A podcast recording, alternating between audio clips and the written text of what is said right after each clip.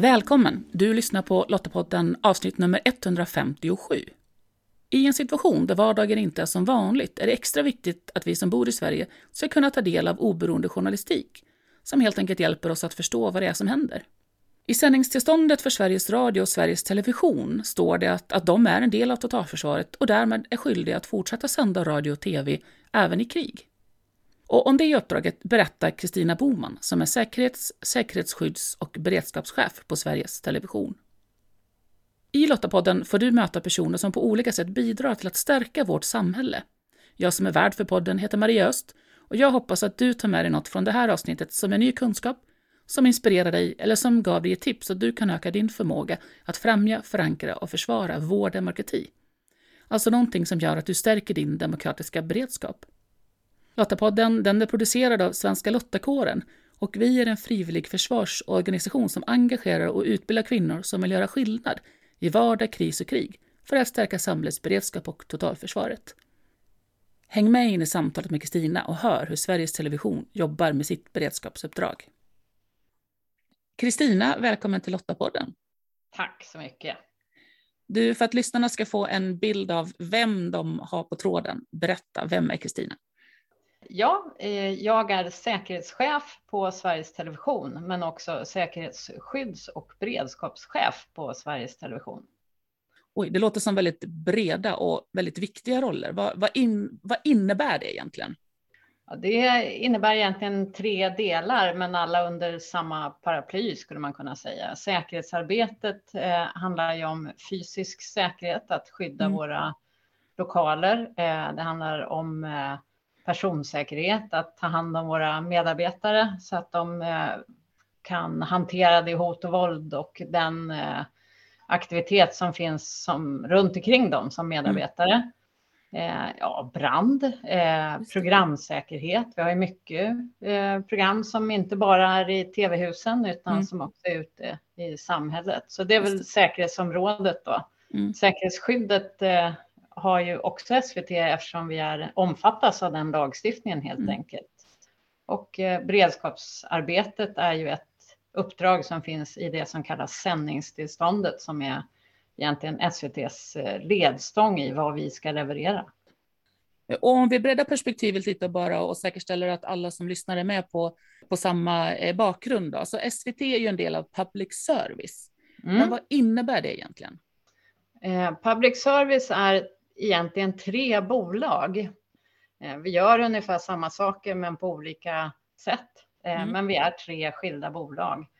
Och eh, de här bolagen är stiftelseägda sedan början av 90-talet och då gjorde man en ändring av den här ägar, ägarformen för mm. att inte staten skulle äga utan för att public service skulle kunna granska och skriva om allt. Eh, utan att vara påverkad av statsmakterna. Då. Mm. Så från och med 97 så ägs programföretagen av en stiftelse som heter, eh, jättelångt namn, Förvaltningsstiftelsen för Sveriges Radio, Sveriges Television och Sveriges Utbildningsradio. Och den här mhm. stiftelsen tillser då att det är tre styrelser för respektive bolag som eh, hanterar bolagen så att säga. Just det, och precis som du sa, just för att ha distansen och att kunna jobba självständigt och oberoende. Ja, precis. Mm. Och kunna granska oberoende. Det är ju mm. liksom det centrala i, i varför man valde att göra så här på 90-talet. Men samtidigt då så har ju SVT uppdrag inom krisberedskap och totalförsvar som en del av public service. Mm. Hur, hur, funkar det? Ja, eh, det funkar faktiskt ganska bra. För eh, det är ju då någonting som heter sändningstillståndet som reglerar vad vi ska göra så att säga och hur vi ska göra det.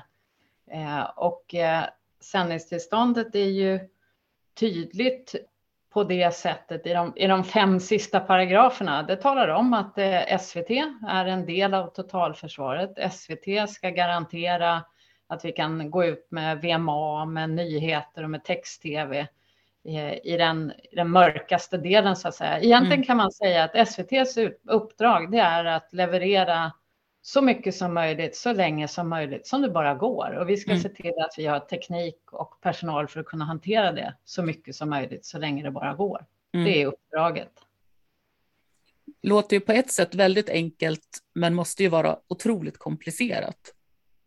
Eh, ja, i den digitala utvecklingen och i, i, den världen så att säga som, som vi alla befinner oss i just nu, både vad det gäller möjligheter men också att kunna skydda sig mot de som vill skada eh, den möjligheten. Det är ju naturligtvis en eh, utmaning för alla mm. som jobbar i ett sådant tekniktungt eh, område mm. som tv är. Men, men det måste vara spännande också. Ja, men det är ju. Ingen dag är den andra lik. Så kan man väl sammanfatta det. Och nu har vi haft några exceptionella år, alltså både pandemin eh, som ställde väldigt olika krav på oss eh, och nu då har vi ett krig i Europa. Mm. Hur har det här påverkat? Ja, det är ju precis som du säger då, att, eh, alltså svåra, två svåra områden. De är inte så lika varandra egentligen utmaningen med pandemin, det var ju att se till att vi alltid hade personal där personal behöver vara. Mm. Eh, och att man så att säga isolerar dem i små öar då för att det aldrig ska finnas eh, någon smitta eller någonting sånt i de här högkritiska eh, eh medarbetarområdena eller mm. verksamhetsområdena. Mm. och det måste jag säga, SVT har ju, jobbade ju med det väldigt tidigt och väldigt eh, smart jag började ju arbeta på SVT mitt i pandemin, eller egentligen då, ja, för två år sedan. Mm. Jag tycker att SVT har varit kloka i hur man har resonerat och hur man har jobbat framåt. Mm. Eh, och också kunnat ställa om ganska snabbt eh, till hemarbete och se till att eh, medarbetaren har en klok och, och bra arbetsmiljö hemmet och sådär. Mm. Ja, men ett gott omhändertagande skulle jag mm. säga. Ja, just det, för, för reportrar behövde ju fortfarande vara ute och göra sitt jobb. Så jag tänker, där mm. låg ju verkligen utmaningen då, att inte bli smittade själva och inte sprida smittan vidare. Precis. Jag upplever, vi har ju då 48 eh, orter runt om i Sverige där vi är representerade i lokalredaktioner mm. eller i programorter. Eh, fyra av de här är lite större, Stockholm, Göteborg, Malmö och Umeå. Och de är också skyddsobjekt och det finns lite liksom mm. mer kring dem både i verksamhet och i personal. Då. Men mm.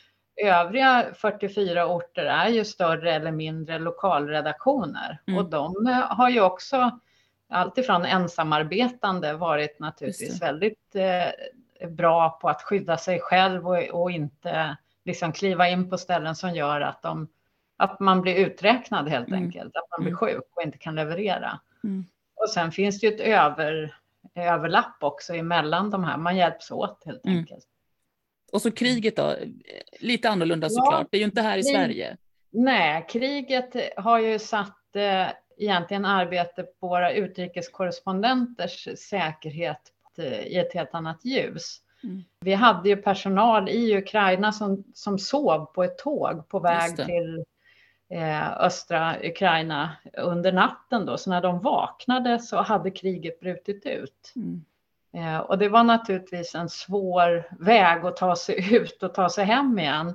Och sedan dess har vi haft ett antal eh, reportageteam i Ukraina som ju har naturligtvis rapporterat alla de hemskheter som kriget innebär. Mm. Och de här personerna som jobbar både som journalister och fotografer, de behöver ju tas om hand om på ett annat sätt än mm. tidigare när de mm. kommer hem. Mm. Och det här finns det också då en organisation för och en, en gruppering för som har jobbat väldigt, väldigt hårt med det här. Mm. Och jag tror att ja, men förhållandevis har det nog blivit ganska bra ändå. Mm. Det är naturligtvis svåra bilder och svår information att ta in när man befinner sig på plats. Och det är ju det vi ser i tv sen. Det är det som speglas, mm. krigets fasor så att säga. Men så parallellt med det här då som ändå händer i, i vardagen Eh, så har ju ni som sagt uppdraget att vara en del av totalförsvaret och därmed så behöver ju ni också jobba med er beredskapsorganisation.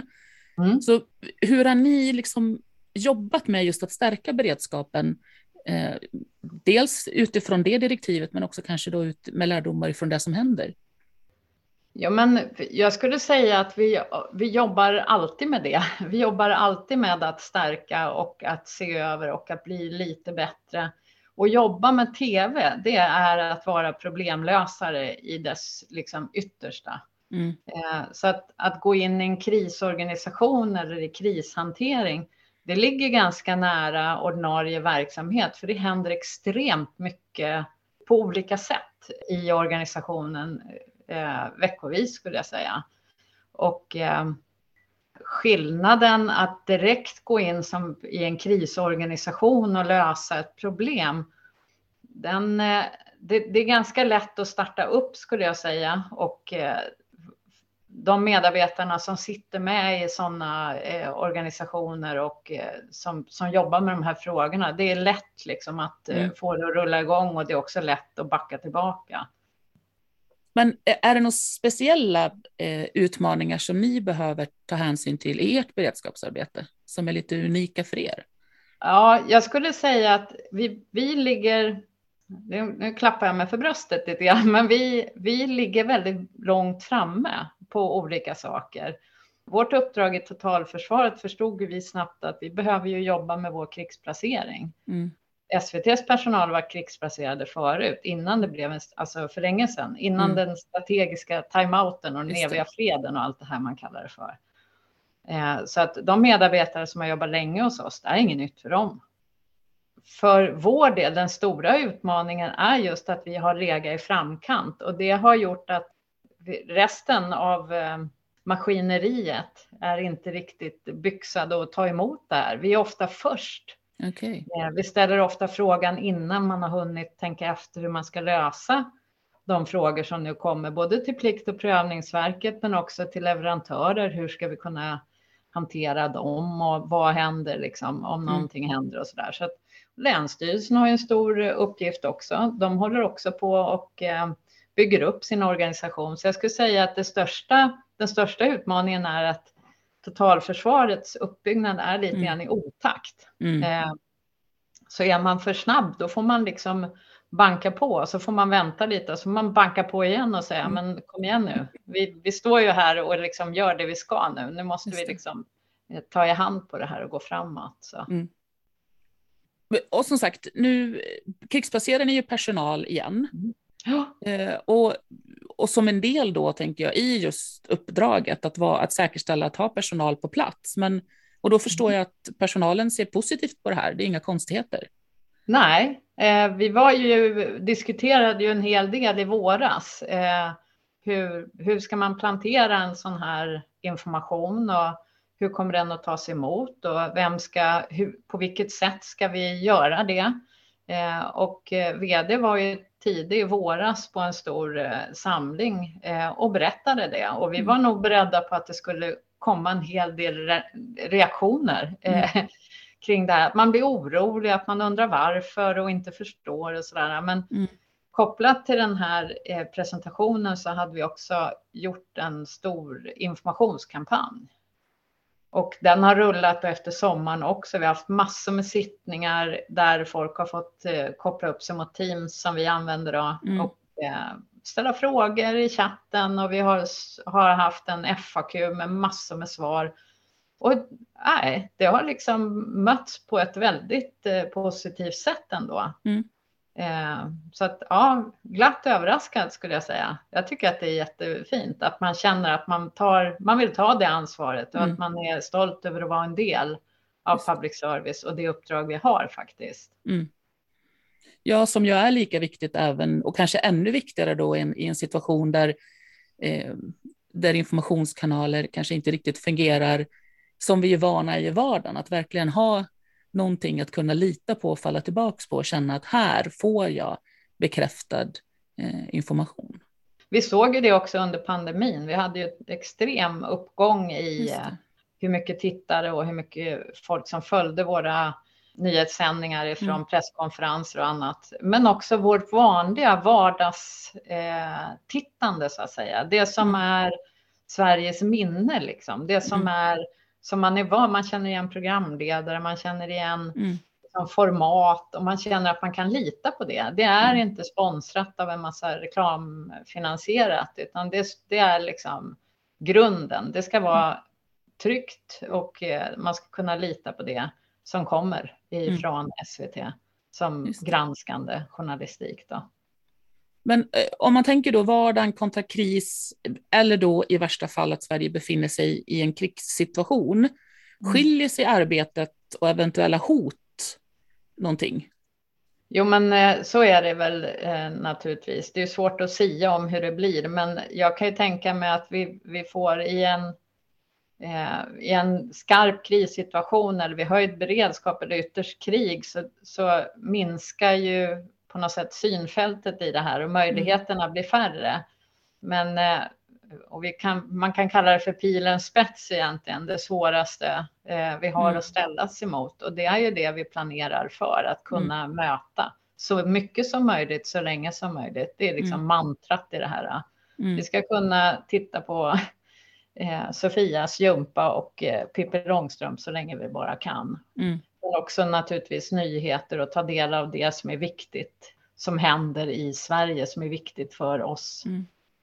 Men medvetenheten och planeringen för hela hotskalan eh, är högst eh, närvarande skulle jag säga. Vi jobbar jättemycket med det. Och jag tänker det måste ju vara en styrka då att ha de här 48 lokalredaktionerna också just i händelse av att ja, men Stockholm inte går att sända ifrån till exempel. Mm. Jo, men absolut. Det, det, är ju en styrka att vara många. Mm. Även om det inte är många människor överallt så är vi på många platser. Det är en mm. styrka. Ja, men fantastiskt. Det låter ju som sagt som att, att vi kan vara trygga med att vi kommer att få eh, nyheter och eh, även då den lilla guldkanten i vardagen, även när det värsta händer, så långt det går såklart. Ja, så mycket som möjligt, så länge som möjligt. Det är mantrat. Tack så mm. jättemycket Kristina för att vi fick en inblick i hur arbetet på SVT fungerar. Ja, tack för att jag fick vara med på Lottapodden. Precis som andra samhällsviktiga funktioner ska alltså Sveriges Television och även då Sveriges Radio kunna förmedla nyheter även ifall Sverige befinner sig i krig. En svår uppgift, men väldigt viktig. Man brukar ju säga att första offret i ett krig är sanningen och då behöver vi nyhetsförmedlare vi kan lita på och som vi har byggt upp ett förtroende för när vardagen är som vanligt. Att det är bekanta ansikten och röster som vi möts av. Och för att de ska vara bekanta så behöver vi se och lyssna till dem i vardagen. Så ett tips det är att ta för vana att se och lyssna på nyheter i Sveriges Television och Sveriges Radio regelbundet. Lästips relaterat till det vi samtalat om i det här avsnittet det hittar du på lottapodden.se. Och om du, precis som Svenska Lottakåren, tycker att fred, demokrati och mänskliga rättigheter är värda att försvara och du vill vara med och göra skillnad för vårt samhälles beredskap och totalförsvar, ja, men då ska du gå till svenskalottakåren.se där hittar du information om hur just du kan göra skillnad. Nu tar Lotta på den helgledigt och är tillbaka igen i slutet av januari. Vi hoppas att vi hörs då igen. Och om du inte redan gör det, prenumerera på Lottapodden så du får nästa avsnitt automatiskt i din poddapp så fort det släpps när Lottapodden är tillbaka. Du hittar podden bland annat i Apple Podcast, Podbean eller på Spotify. Och om du gillar Lottapodden, berätta gärna för andra om den och lämna gärna en recension på Apple Podcast eller Spotify så hjälper du fler att hitta till podden.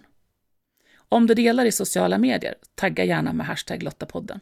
Och tack för att du lyssnar. Hej så länge!